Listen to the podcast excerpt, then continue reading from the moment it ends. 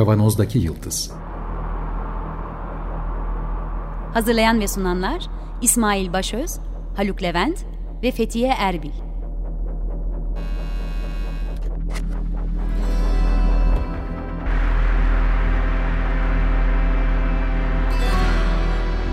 Bugünün penceresinden geleceğin ayak izleri. Merhabalar Açık Radyo'dayız. 95.0 Kavanoz'daki Yıldız programında sizlerle beraberiz yeniden. Bugünün penceresinden geleceğin ayak izlerini sürmeye devam ediyoruz. Geçtiğimiz cuma sabahı, kendi programımızdan bahsetmeyeceğiz. Geçtiğimiz cuma sabahı Açık Gazete'den bir pas geldi bizde. Ömer Madra'dan geldi ve bu pası da hızlı bir şekilde göğsümüzde sönümlendirip artık voley mi yerden pas mı devam edeceğiz. Üç kişiyiz. Haluk burada. Merhaba. Kombine atak olacak bu. Öyle gözüküyor. Program konuşacağız. Çünkü patrondan geldi. O yüzden tabii çalıştık haliyle. Evet mecburen. Ee, bir, bir miktar diyelim. Fethiye burada. Merhaba sevgili dinleyiciler. Ne konuyu anlıyorum tam ne de bu futbol terimlerini anlıyorum. Hadi bakalım ne olacak. ben de İsmail artık kusurumuza bakma Fethiye. Ee, bize verilen pas neydi? Ee, Independent Türkçe'de yayınlanan bir yazı, bir yapay zekanın bir insanı öldürme girişimi. Evet. Değil mi? X-Files ya da işte herhangi bir bilim kurgu kabusu değil, bayağı Independent Türkçe'de çıkan bir makale. Ne demişler orada, ne olmuş? Fethiye senden dinleyelim biraz. Evet, ben de okurken hem çok e, eğlendim hem de çok yani ilginç geldi gerçekten. Benim bile anlayabileceğim bir dille yazılmış. E, şöyle bir çarpıcı bir başlığı var. Yapay zeka aracılığıyla gerçek kıldığı hayali arkadaşı tarafından suikasta uğradı diye. İnsan böyle başlayınca sonunda yani ölüm mü var bir şey mi oldu diyor. Biraz tabii sansasyonu yüksek bir haber. Bir tane yapay zeka firmasından bahsediyorlar. OpenAI diye. Açık yapay zeka diye Türkçeleştirebiliriz. Elon Musk da bunun zamanda kurucuları arasındaymış. Bu yeni bugün de bahsedeceğimiz algoritma var. GPT-3 diye bunu Türkçe söyleyebiliriz. Bu bir cinayet girişimine konu oldu diyor.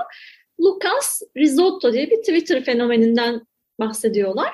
O onun çocukluğunda hayali bir arkadaşı varmış. Bu hayali arkadaşı e, bir mikrodalga fırınmış. Onun adını da magnetron diye koymuş, öyle isimlendirmiş.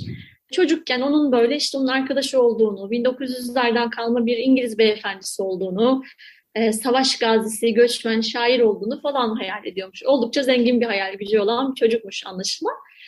E, OpenAI firmasının e, GPT-3 sürümünü e, görünce Risotto hayali arkadaşını gerçekleştirmeye karar vermiş, hayata döndürmeye karar vermiş. Bir mikrodalga fırını satın almış, akıllı bir mikrodalga fırın.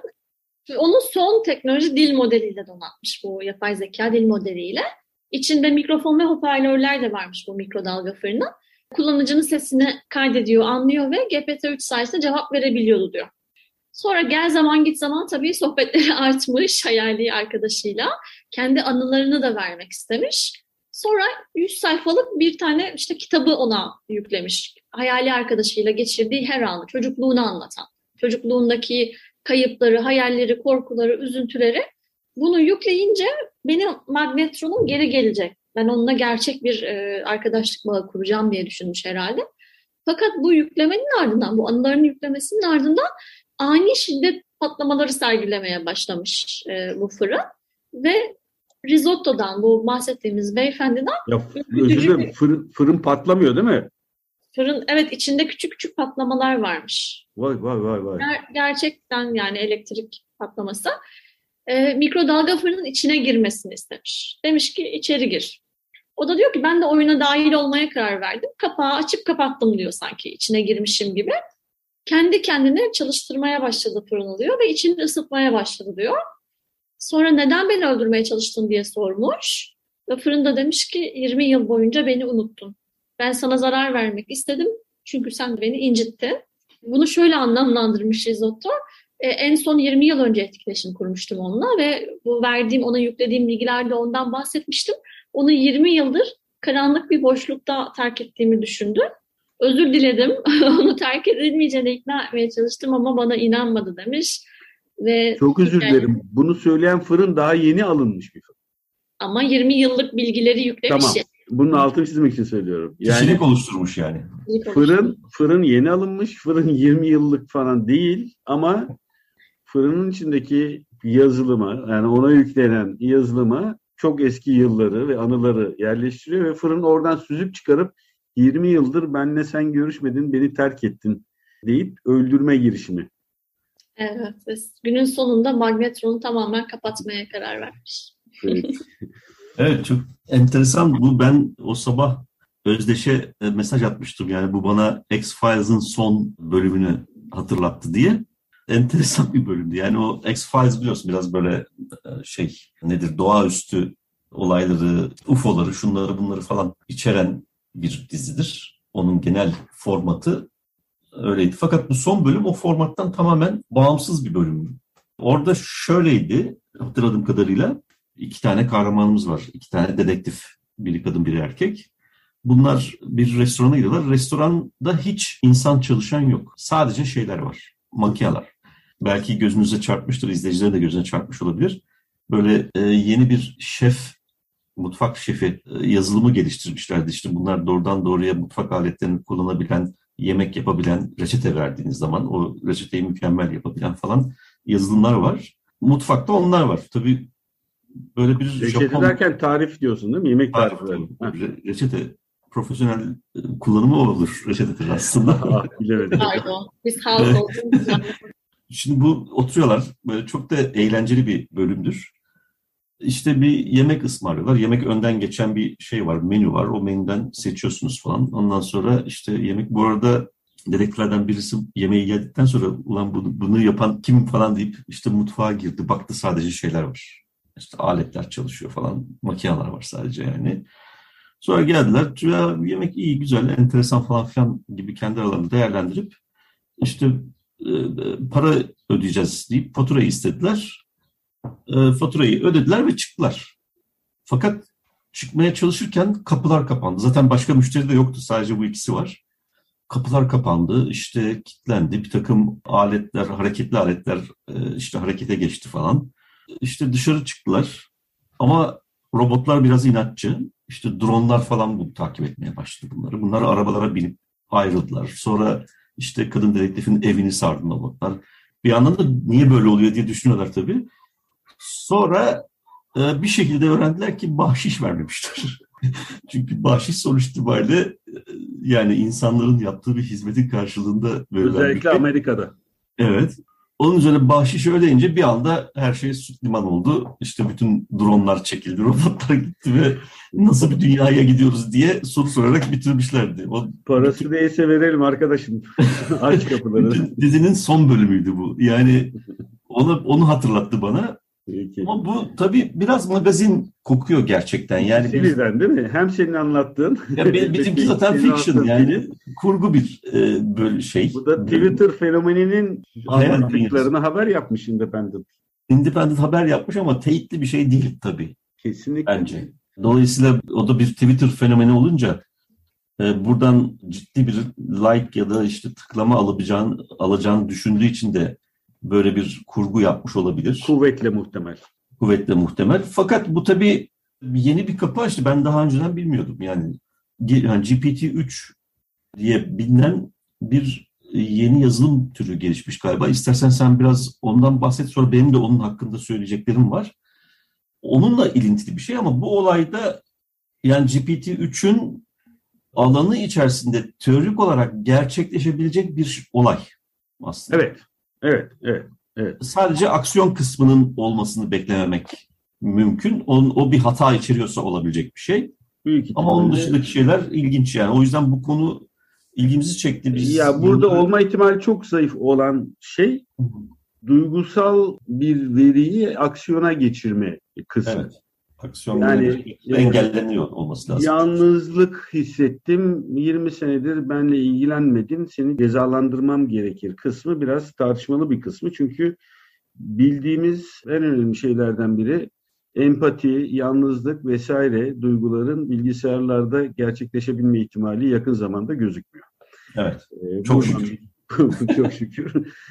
Buradan bir girelim. Generated Pre-Trained Transformer. Türkçe'ye nasıl çevirebiliriz? Üretken ön eğitimli dönüştürücü diye e, çevirmek mümkün.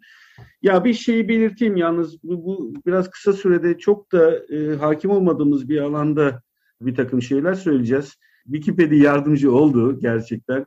Mutlaka alıntısını yapmak istiyorum. Barış Özcan'ın YouTube'daki videosu herkese tavsiye ediyorum. Çok besleyici, çok güzel kurgulanmış bir video. Barış Özcan GPT-3 konusunda çok güzel bir video e, hazırlamış. E, gayet bilgilendirici.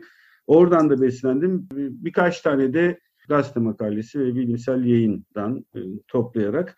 Kabaca şöyle söyleyelim. Yaklaşık 2017'de başlayan Bert Bayes isimli bir yazılımla dil geliştirme, dil temelli bir yazılımla bir yapay zeka süreci geliştirilmeye çalışılıyor.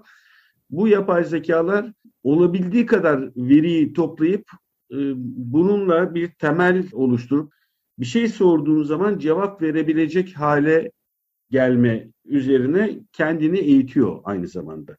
Fakat bir base burası, bir temel. Biraz sonra anlatacağım değişik şekillerde kullanılabiliyor. O kadar çok veri toplayabilmesinde e, en önemli kaynaklardan mesela tüm bu GPT-3'ün temelini oluşturan veri deposunun sadece yüzde üçü Wikipedia'dan gelmiş mesela. Hı hı. İki tane büyük kitap yüklemesi yapılmış. Neredeyse bütün dijital kitapların hepsi GPT-3'ün veri tabanına eklenmiş. WebText 2 diye bir yine başka bir web alanından toplanmış ama Common Crawl yüzde 60'ı Common Crawl isimli biraz da utanç duydum. ismini daha önce bilmediğim için açıkçası. Ee, bir kar gözetmeyen şirket olarak onay almış olan tarama motoru gibi bir e, girişim. Bu konuda biraz daha uzun konuşmamız gerekiyor daha sonraki programlarda açıkçası. Open source. Bunların hemen hemen hepsi open source. Common Crawl açık kaynaklı bir yazılım ve bütün verileri rahatlıkla oradan elde edebileceğiniz, ücretsiz elde edebileceğiniz, insanların elde edebileceği bir ortam, bir portal. Buralardan aldığı verilerle kendisine çok büyük bir veri tabanı oluşturmuş olan bir yapay zeka yazılımı Generated Pre-Trained Transformer GPT-3 ve bunu aldığımızda bu işte ön eğitimli diye söylenmesinin sebebi şu. Mesela İspanya'da bir bilgisayar bilimcisi bu programı röportaj yapabilir hale getirmiş. Nasıl röportaj yapabilir hale getirmiş? Ee, yine Barış Özcan'dan güzel derlediği için oradan hemen söyleyeceğim. Mesela Einstein olmasını istiyor. Bu yapay zekanın, yapay zeka bütün Einstein yazılarını, Einstein'ın yazdıklarını, yaptıklarını, onun hakkında yazılanları hızlı bir şekilde tarıyor ve onun yerine geçip Einstein olarak cevaplar vermeye başlıyor. Çok da düzgün ve biraz daha insani yani arama motorunun verdiği cevaplar gibi değil, biraz daha insan gibi cevaplar vermeye çalışıyor. Yine başka bir çalışmada işte 3-5 kelime bir edebiyatçıdan bir şey okutulunca diyelim ki Sabahattin Ali'den bir öykü okutuluyor. Sabahattin Ali gibi onun tarzıyla yazılar yazabiliyor. Mesela bu yapay zeka. Tasarım yapabiliyor. Eğer işte başka biri alıp bu yapay zeka tabanında tasarım yapabiliyor. Değişik değişik alanlarda kullanabileceğimiz bir geniş veri tabanına sahip, çok geniş, devasa bir veri tabanına sahip ve nöron ağları organizasyonuyla gerçekleştirilmiş e, bir çocuk var elimizde. Öyle düşünelim ve bunu eğitip istediğimiz şekilde kullanabiliyoruz. GPT-3'ün bu potansiyeli çok yüksek, çok korkutucu. Yaklaşık 3 sene içerisinde inanılmaz bir kapasiteye ulaşmış e, bu süreç. Fakat neyse ki e, insan beyni çok daha hala çok daha yüksek işlemci kapasitesine sahip. Buradaki işte bu makalede bahsettiğimiz fırındaki de bu yapay zeka. Eğer doğruysa şeyin söylediği e, Twitter fenomeninin ama zaten Twitter fenomeni lafı bile şüpheli yaklaşmamıza biraz bize bir şeyler anlatıyor. Elon Musk alınabilir bu söylediğine İsmail dikkat et. yeni sahibi kendisi. Evet değil mi? O o da e, halk için, toplumsal değerler için çalışan bir insan olduğu için bozulacaktır muhtemelen. Evet, kabaca GPT-3 bu. Bunun üzerine ha, 2020 Temmuz ayında salınıyor, ortaya çıkıyor ve değişik yerlerde değişik insanlar. Ha, herkesin aksesi yok. Hangi koşullarda bu aksesi sağlayıp GPT-3'e 3 ile çalışabiliyorlar insanlar? Bu konuda da ben henüz bir bilgiye rastlayamadım e, kısa araştırma dönemimizde. Fakat bu aksesi sahip olduğu zaman insanlar alıp bunu işte tasarım yapmak için, işte yazı yazmak için vesaire kullanılıyor. Bu arada hemen belirtelim. GPT-3'ün bir de web sitesi var, blogu var.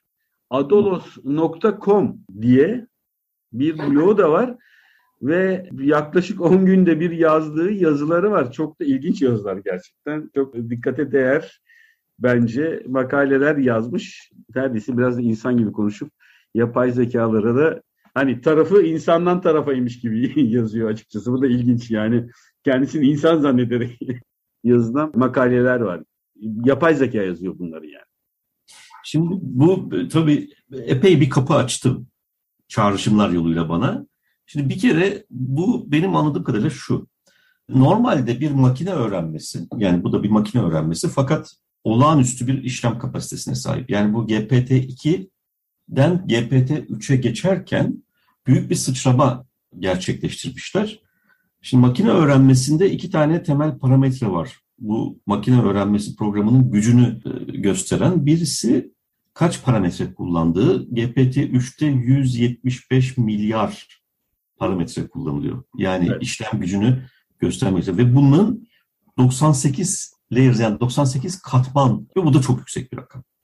Ee, dolayısıyla olağanüstü bir işlem gücü olduğunu söyleyebiliriz. Bunun GPT-4'ü ne olacak diye de hayal kurmak mümkün. Çünkü artık görünür bir gelecekte bu, bu, bu işlem kapasitesinin çok çok daha yükselmesi mümkün olacak. Dolayısıyla o zaman da bu bizim bir iki yıl önce yaptığımız otonom araçlar üzerinde bir dizi vardı.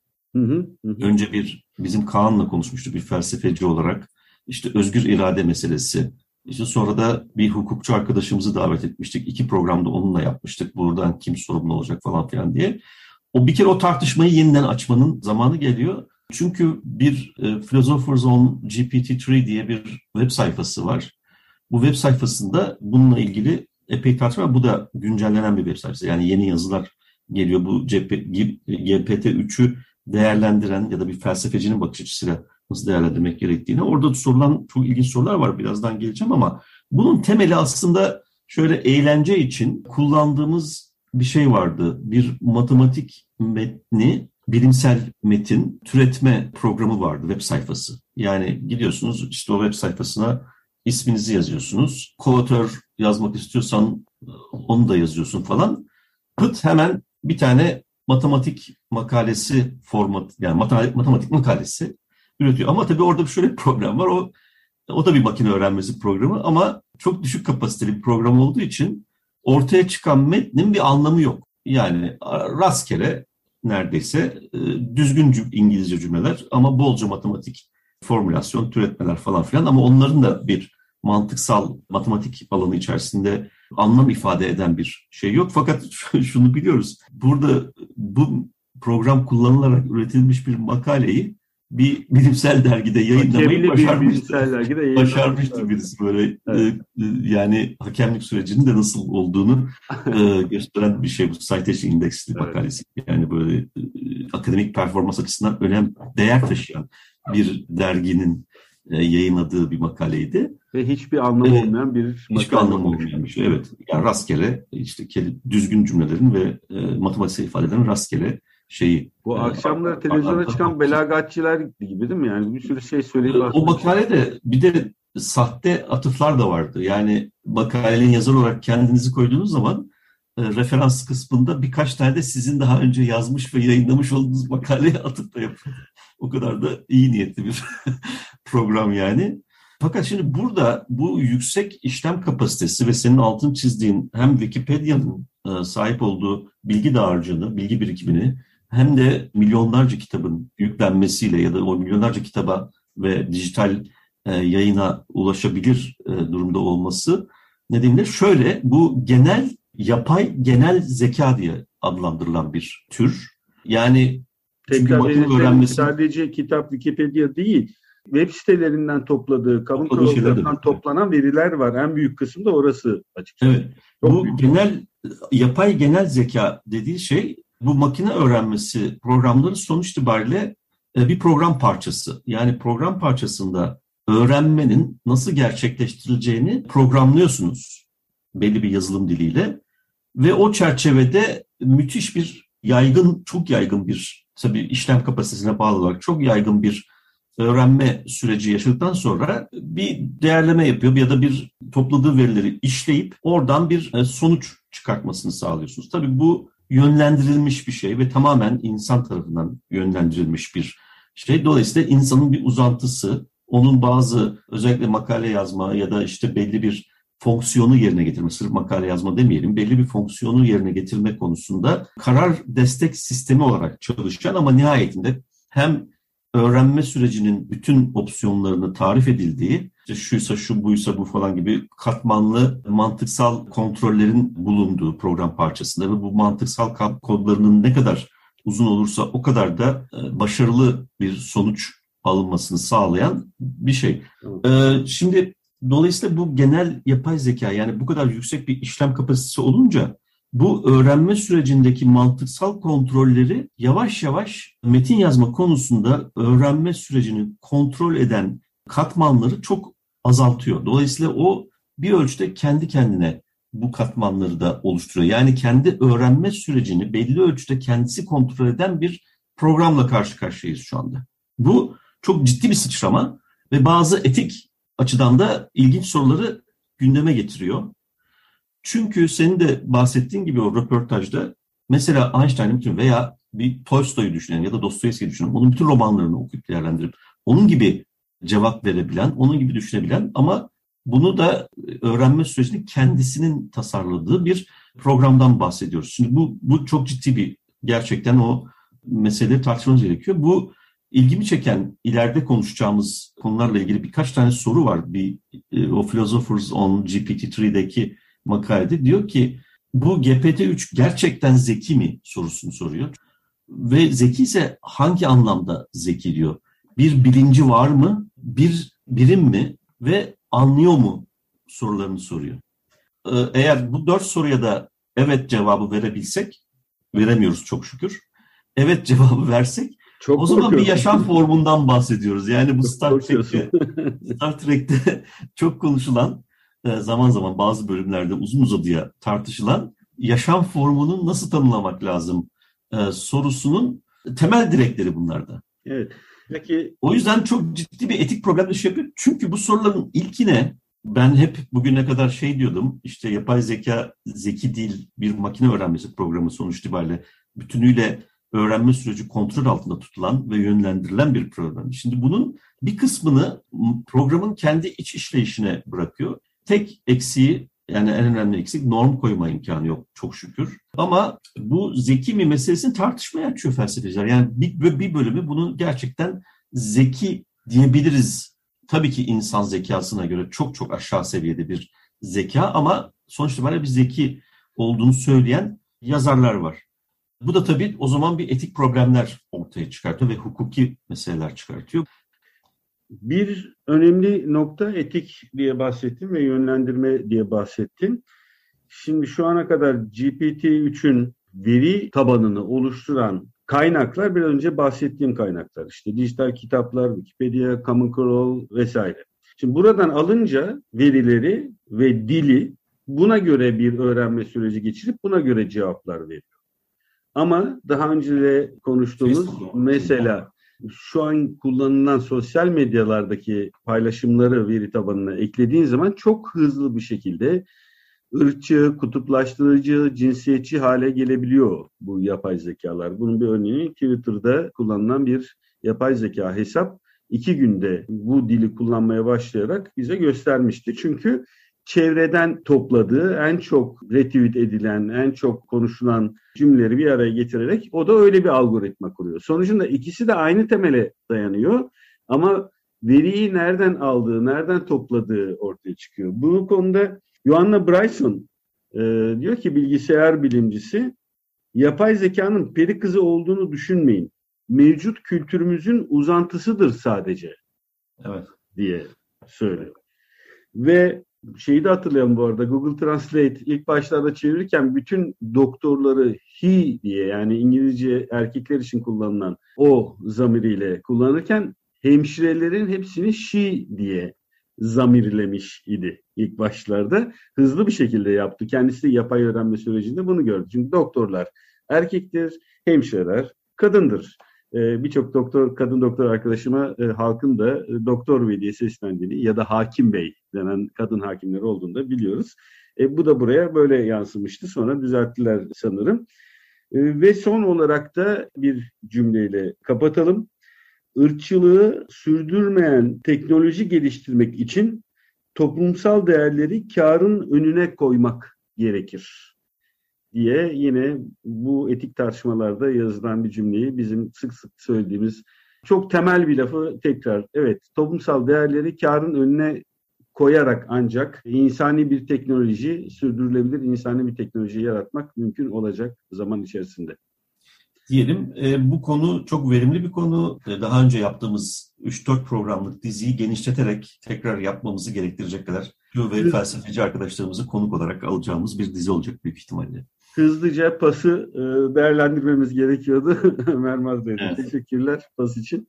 Evet, bugünkü programımız bu kadar. Bu programın size ulaşmasını sağlayan bütün Açık Radyo çalışan arkadaşlarımıza çok teşekkür ediyoruz. Program destekçimize çok teşekkür ediyoruz. Önümüzdeki hafta tekrar görüşmek üzere. Sağlıkla kalın. Hoşçakalın. İyi bayramlar herkese.